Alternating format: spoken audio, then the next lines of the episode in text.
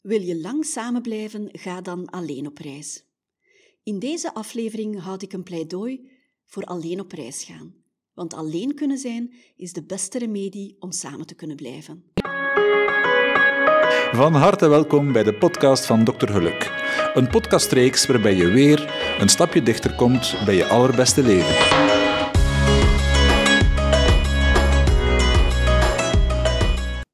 Welkom terug bij mijn podcast. Fijn dat je luistert. Waar je ook bent, waar je ook rijdt, waar je ook zit, welkom. Wat als ik je zeg dat alleen op reis gaan een scheiding kan voorkomen? In deze aflevering houd ik een pleidooi voor drie dingen. Ga eerst alleen wonen voor je gaat samenwonen. Als je al samenwoont, ga dan af en toe alleen op reis. En zorg ervoor dat je je eigen vrienden hebt. Wat doet dit met jou als ik deze uitspraken doe? Voel jij meteen weerstand? Word je kwaad? Maakt het jou meteen bang of verdrietig? Of zeg je, ja natuurlijk, dat weet ik al lang. Zet deze aflevering nu eerst even op pauze en ga eens na hoe jij je nu voelt als ik deze dingen zeg. Doe je oortjes uit, zet je fiets of je auto aan de kant en ga na hoe deze zinnen bij jou binnenkomen. Dus wat doet het met jou als ik zeg: ga eerst alleen wonen? Als je al samen woont, ga af en toe eens alleen op reis of ga af en toe eens alleen weg en zorg ervoor dat je je eigen vrienden hebt. Oké, dan ga ik je straks uitleggen waarom ik deze uitspraken doe. Zo, heb je er even kunnen over nadenken? Misschien heb je al geen zin meer om verder te luisteren, omdat je er meteen een slecht gevoel bij hebt. Misschien word je kwaad op mij, of, of misschien wil je niet dat je partner deze raad hoort.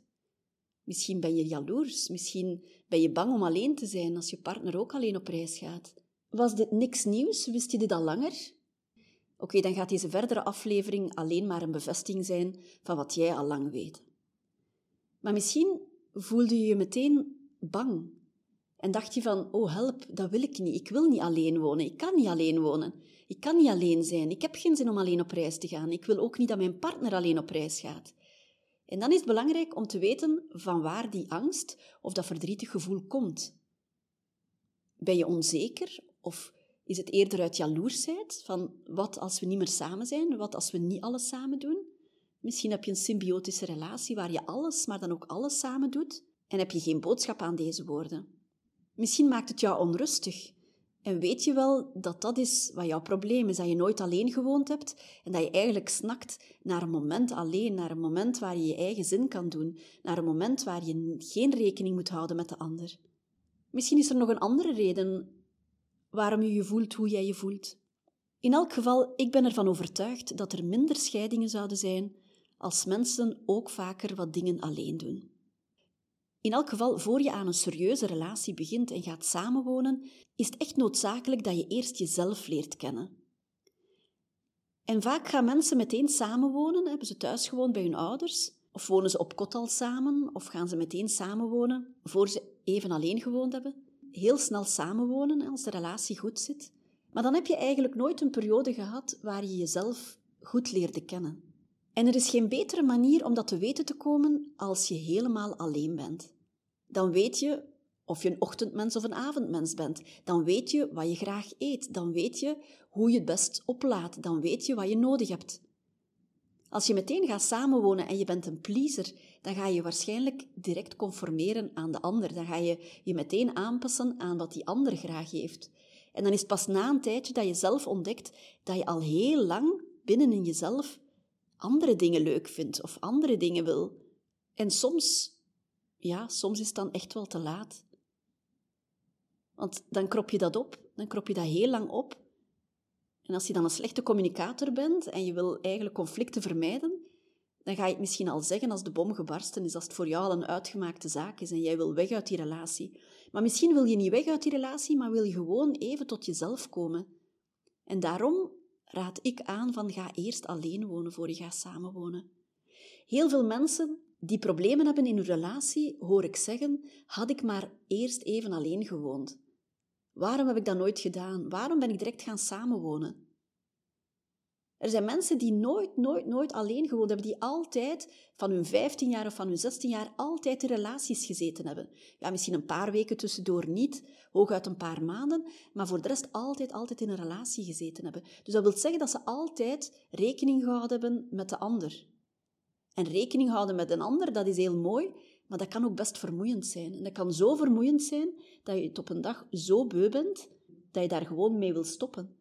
En vaak heeft dat dan drastische consequenties, hè? want dan wil je misschien stoppen, dan wil je misschien volledig stoppen met de relatie. En dat zou jammer zijn. Nu, ik ga je eerst een verhaaltje vertellen over een man die helemaal alleen in zijn bootje ronddobberde op zee. Hij viel in slaap en dat bootje was nog altijd aan het meedijnen op de golven. En plots schiet hij brusk wakker omdat zijn bootje in aanvaring is gekomen met een ander bootje. Hij vliegt uit, hij is woedend, hij is razend, hij roept en hij tiert.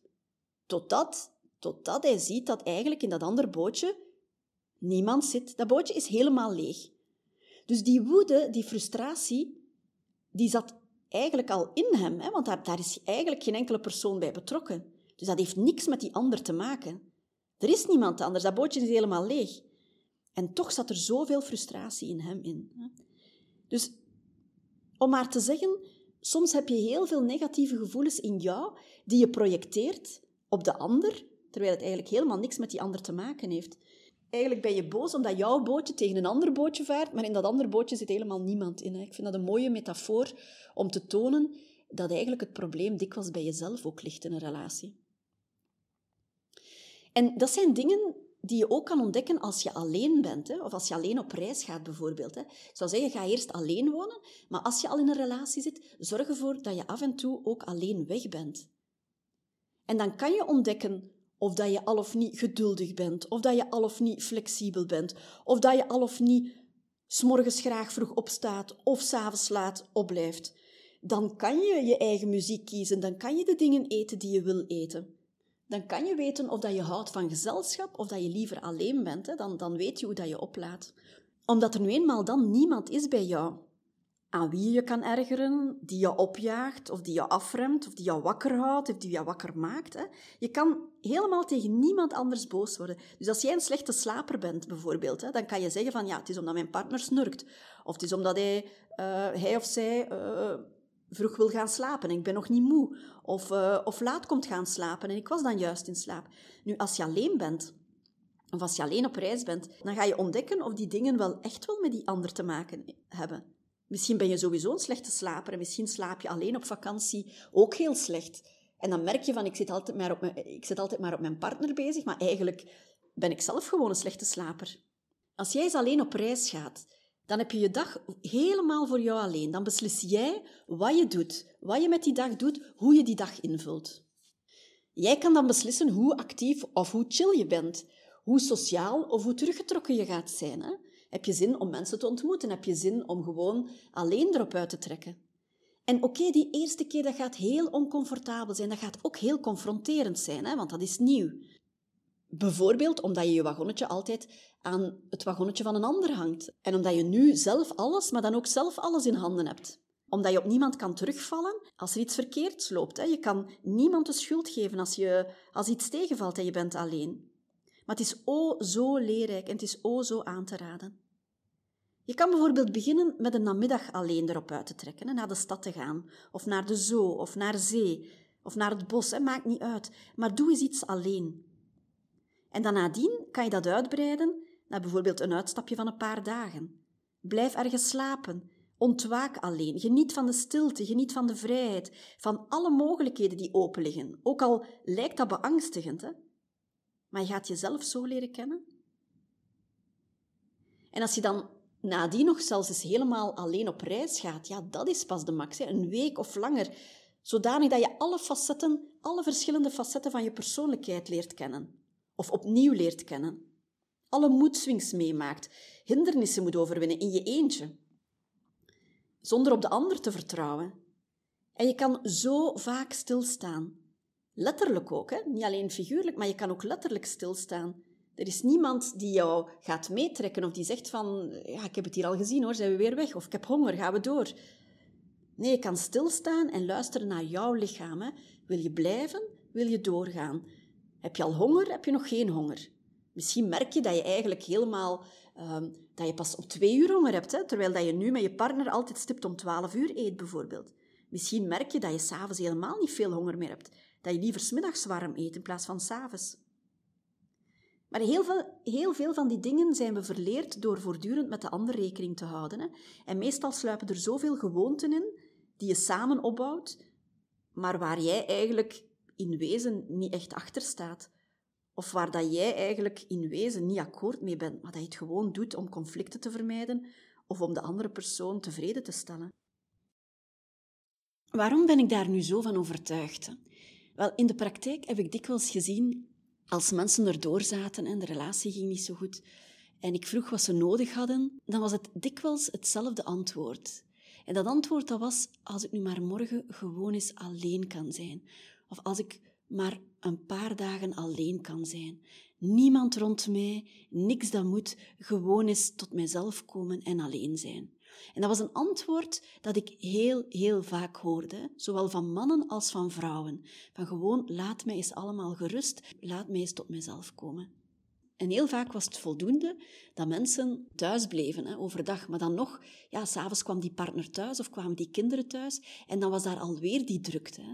Dus nog beter was het als ze naar een appartementje konden van vrienden aan zee bijvoorbeeld. Of als iemand in de familie een buitenverblijf had, waar ze eventjes tot rust konden komen. En dat was heel vaak een verlangen, zo van laat mij gewoon ergens alleen zijn, niemand rond mij, niemand waar ik rekening moet mee houden en laat mij daar gewoon doen waar ik zin in heb.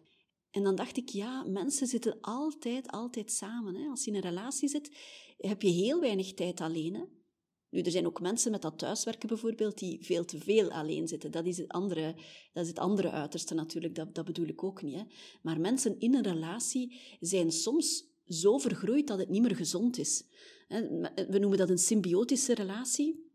En dat is eigenlijk een relatie waar de partners zo vergroeid zijn dat ook de identiteit van elk individu apart gewoon verdwenen is. Dat mensen niet meer weten wie ze zijn. Als ik dan vraag van wat doe je graag, wat heb je graag, tja, dan weten die dat niet meer.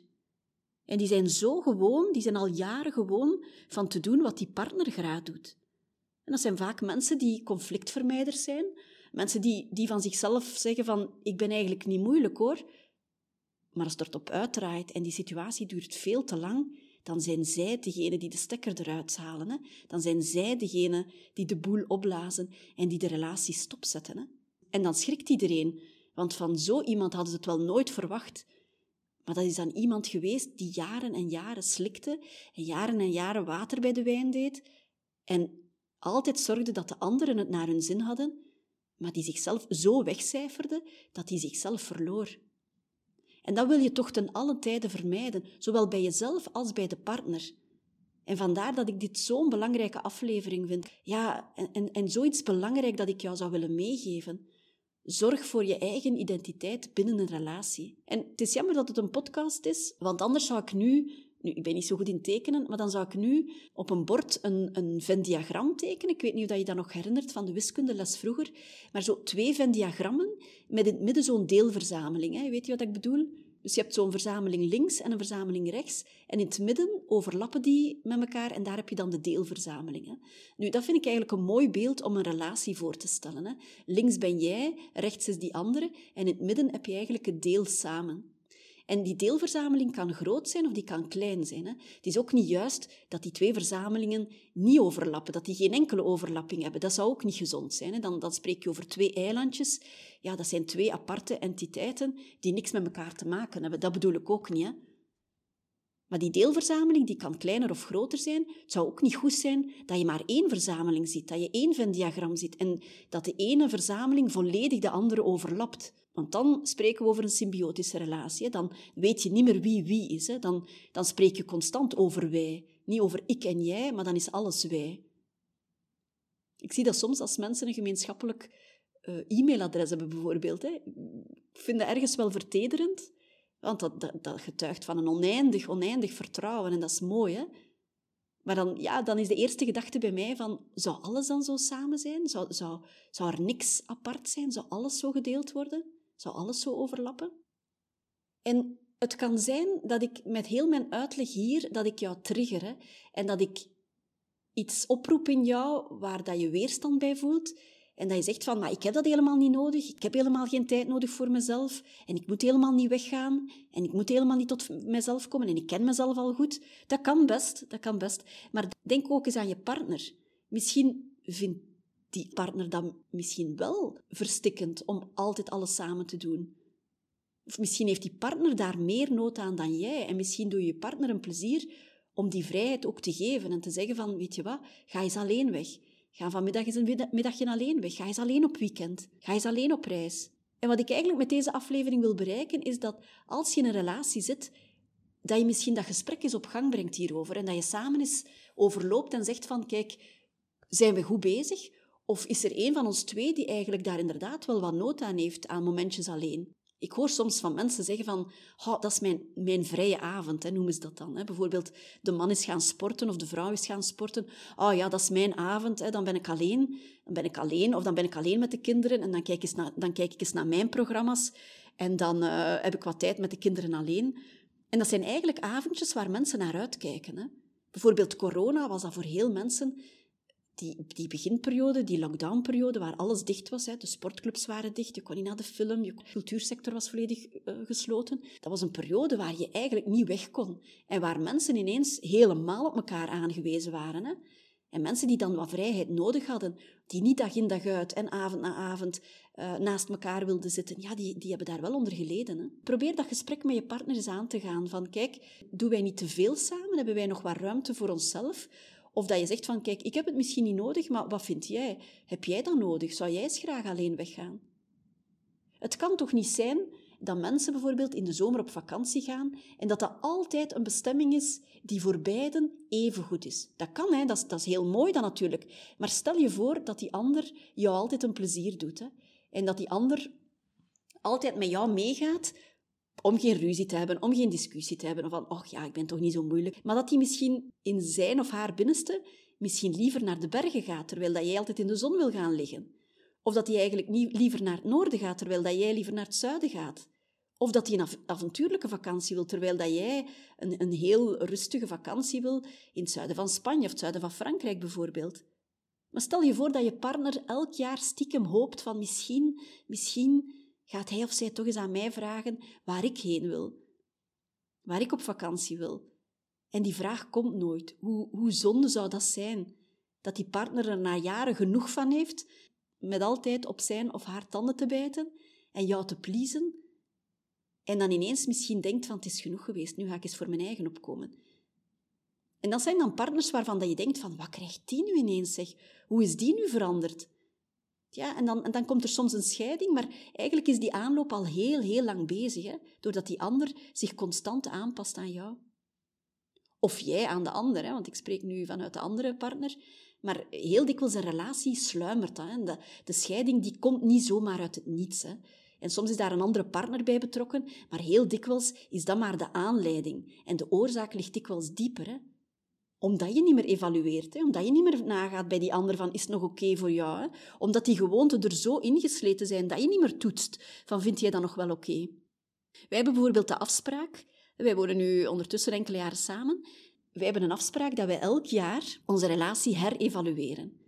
Nu, wij doen dat ook regelmatig tussendoor nog, hè, maar dat wij elk jaar kijken van, kijk, hoe zien wij het volgende jaar? Wat zijn jouw dromen? Wat zijn mijn dromen? Hoe gaan we die waarmaken? Hoe gaan we die inplannen? Is het nog goed voor jou? Wat zouden we anders willen zien? Wat wil jij anders zien? Wat wil ik anders zien? Op je, op je werk heb je jaarlijkse functioneringsgesprek, maar in de relatie is dat zelden. Hè? Er zijn koppels die dat doen, maar heel veel, heel veel koppels doen dat niet. En die relatie kabbelt wat verder en dat wordt niet opengetrokken. Hè? Daar wordt niet getoetst van, is het nog goed? Uit angst dat die ander misschien zal zeggen dat het niet goed is. Of dat je niet met kritiek kan omgaan. Of dat je denkt, van, ik ga het niet zeggen. Of God weet waar dit gesprek dan heen leidt. Hè? We, gaan, we gaan daar niet over beginnen. Maar dan worden dingen opgekropt, dan worden dingen in stilte op de rekening gezet. En oh wee, als de bom dan eens barst hè, op een of ander moment. Probeer dat eens uit te praten. Probeer dat, dat gesprek eens aan te gaan. Is het nog oké voor jou? Is het nog oké voor mij? Wat willen we? Zijn we niet te veel uit elkaar gegroeid? Of zijn we niet te verstikkend voor elkaar? Hè? En dat kan ook zijn dat je nu direct een angst voelt opkomen, hè, van wat als de ander mij afwijst. Maar zie dat niet als een afwijzing. Hè. Zie dat als een gelegenheid om, om op een manier dichter bij elkaar te komen, omdat je luistert naar elkaar, omdat je communiceert met elkaar, omdat je voelt en wil weten wat de ander wil. En omdat je daar dan iets kan aan doen voor het te laat is. En als ik dan pleit voor een vakantie apart, of voor een reis apart, dan is dat omdat je letterlijk van op afstand de dingen beter kan bekijken. Hè. Van op afstand kom je weer tot jezelf. Je hoeft met niemand rekening te houden. Dus je, je komt veel dichter bij jezelf. Je voelt ook beter wat je voelt, omdat de blik van de ander er dan niet is. En van op afstand kan je beter zien van oké, waar gaat mijn leven heen? Waar gaat mijn leven naartoe? Wat wil ik nog? En als je terugkomt, dan is het ook een moment dat je dat gesprek kan aangaan en dat je kan zeggen, zeg, ik heb er eens over nagedacht, zouden we niet dit, zouden we niet dat? Ik heb gedacht, zou dat niet beter passen bij ons? Of ik heb gedacht, dat zou ik eigenlijk graag willen. Dat hoeft niet noodzakelijk alleen maar over die relatie te gaan. Hè. Misschien heb je ook een andere blik op, op je job of over, op de opvoeding. Of misschien kom je naar huis van die reis en zeg je, ik heb eens nagedacht, weet, die schermtijd die gaan we drastisch beperken. Hè. Bijvoorbeeld, zeg maar iets. Of dat je terug thuis komt en dat je zegt, weet je wat, ik zou eigenlijk een avond voor mezelf willen. Is dat goed als ik elke donderdagavond ga sporten? Ik zeg maar iets. Maar ook voor degene die thuis blijft, is die periode heel waardevol. Hè? Ofwel ben je alleen en dan heb je tijd om de dingen te doen die je wil doen, om af te spreken met je eigen vrienden, om naar de programma's te kijken op tv die je zelf wil zien, of de reeks waar je partner niet zo dol op is, maar die je zelf wel wil zien, om eens dingen te kopen die je graag eet. Als, je, als je partner niet houdt van spruitjes en jij vindt dat eigenlijk best wel lekker, wel ja, dat is de moment om, om spruitjes te gaan eten. Hè? Misschien heb je die week meer tijd om met je ouders op te trekken. Maar ook als je kinderen hebt, is dat een heel andere dynamiek om dan alleen met je kinderen te zijn, zonder die andere partner. Hè? Die kinderen vinden dat ook best spannend, die, die vinden dat ook eens leuk hè, om alleen te zijn met jou. En wat er ook is, je gaat ineens ook appreciëren wat die ander ook doet als die thuis is. Ineens moet je alles zelf doen. Moet je de vuilbak buiten zetten. En ineens moet je zelf boodschappen doen. Moet je zelf al die hobby's, de halen en dat brengen van die hobby's doen. Uh, ineens sta je er helemaal alleen voor. En ga je wel appreciëren wat de andere partner allemaal wel niet voor jou en voor jullie doet. Hè. En ook voor diegene die weg is, hè, die, die mist jou, die mist jullie, en die komt terug. En dat kan een heel andere dynamiek zijn. Hè. Ineens kan daar weer uh, passie oplaaien. Ineens ja, kan, kan dat een nieuwe schwung zijn in je relatie, als jullie elkaar gemist hebben. Hè. Stel dat je elkaar niet gemist hebt, ja, dat zegt ook iets. Hè. Nu, met missen bedoel ik uh, blij zijn dat je terug naar huis kan. Hè? Want missen, ja, dan, dan denk je aan heimwee en, en niet zonder de ander kunnen. Het kan best zijn dat dat een heel leuke week was, maar dat je wel blij bent om terug te komen. Maar stel je voor dat het een heel leuke week is en dat je helemaal geen zin hebt om terug te komen. Ja, dat zegt ook wel iets, hè? En dat is ook misschien een gelegenheid dan om het daarover te hebben. Van, ik heb geen zin om terug te komen, want onze relatie is veel te saai. Of want, jij houdt geen rekening met mij. Of want, het is altijd jouw zin. Ik wil ook wel beste zinspraak hebben in, in hoe de dingen hier gaan in onze relatie. Dus het is een, een, een goede manier om eens afstand te nemen, om de dingen eens van op afstand te bekijken en om elk apart weer tot jezelf te komen, om dan weer samen verder te kunnen. Hè. En misschien heb je verleerd om zelfstandig te zijn, hè? maar misschien ga je nadien wel heel trots op jezelf zijn dat je dat alleen gekund hebt. En ik zeg het, begin misschien met een namiddag, begin met een weekendje. Het hoeft daarom niet direct een, een, reis naar Nepal te zijn in je eentje. Hè? Maar misschien hebben je vrienden een appartementje aan zee waar je een keer een weekendje kan gaan uitrusten. Gaan uitrusten of, of actief gaan zijn, ik zeg maar wat. Je gaat zien dat dat heel, heel waardevol is. Want als je nooit alleen gewoond hebt, ja, wie ben je dan? wie ben je in een relatie, dat weet je, maar wie wil je zijn in die relatie? En wie ben je als je alleen bent?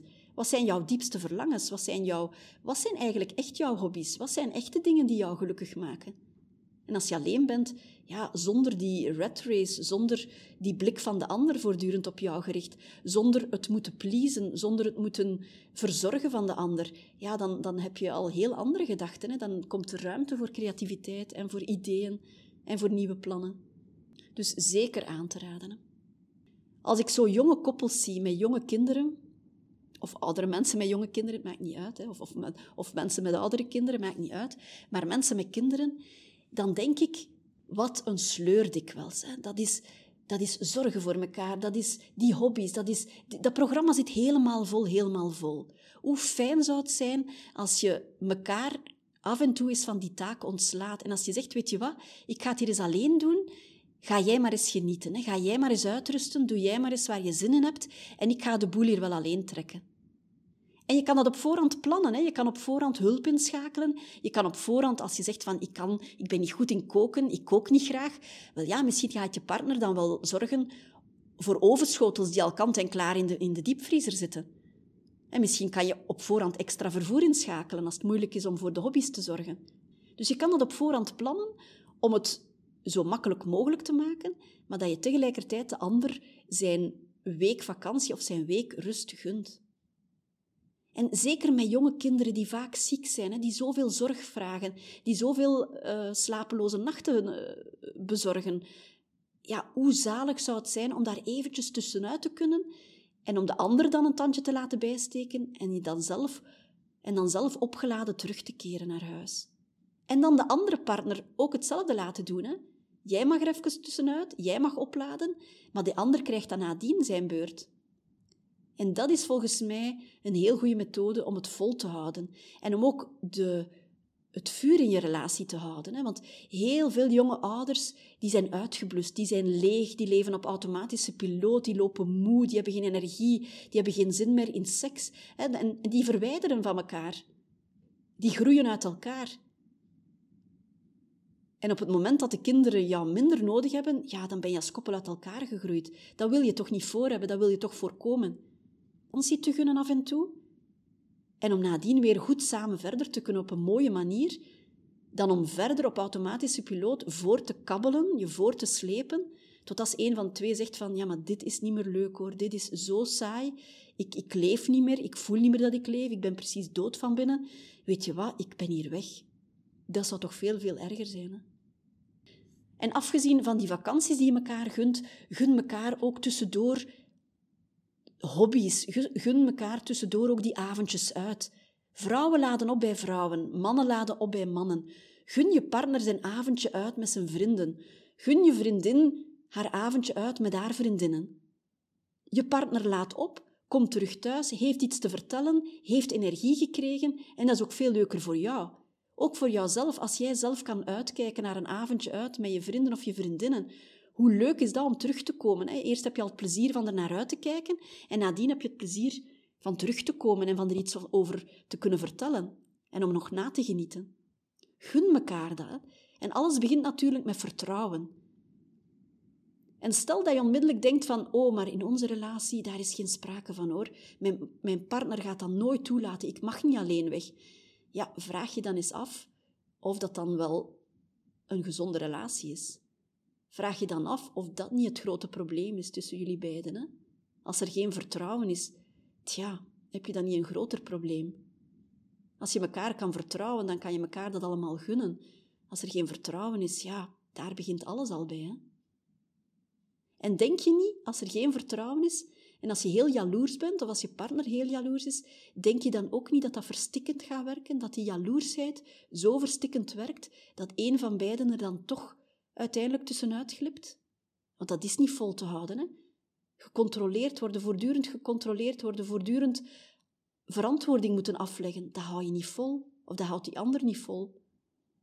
Dus als je denkt dat jaloersheid en gebrek aan vertrouwen, dat dat een probleem is tussen jullie, doe daar dan alsjeblieft iets aan. Doe dat vooraleer je relatie op de klippen loopt. Ga daarvoor bij een psycholoog, ga daarvoor bij een coach, maar doe daar iets aan. Laat dat niet sluimeren, laat dat niet sudderen, want die bom die barst vroeg of laat.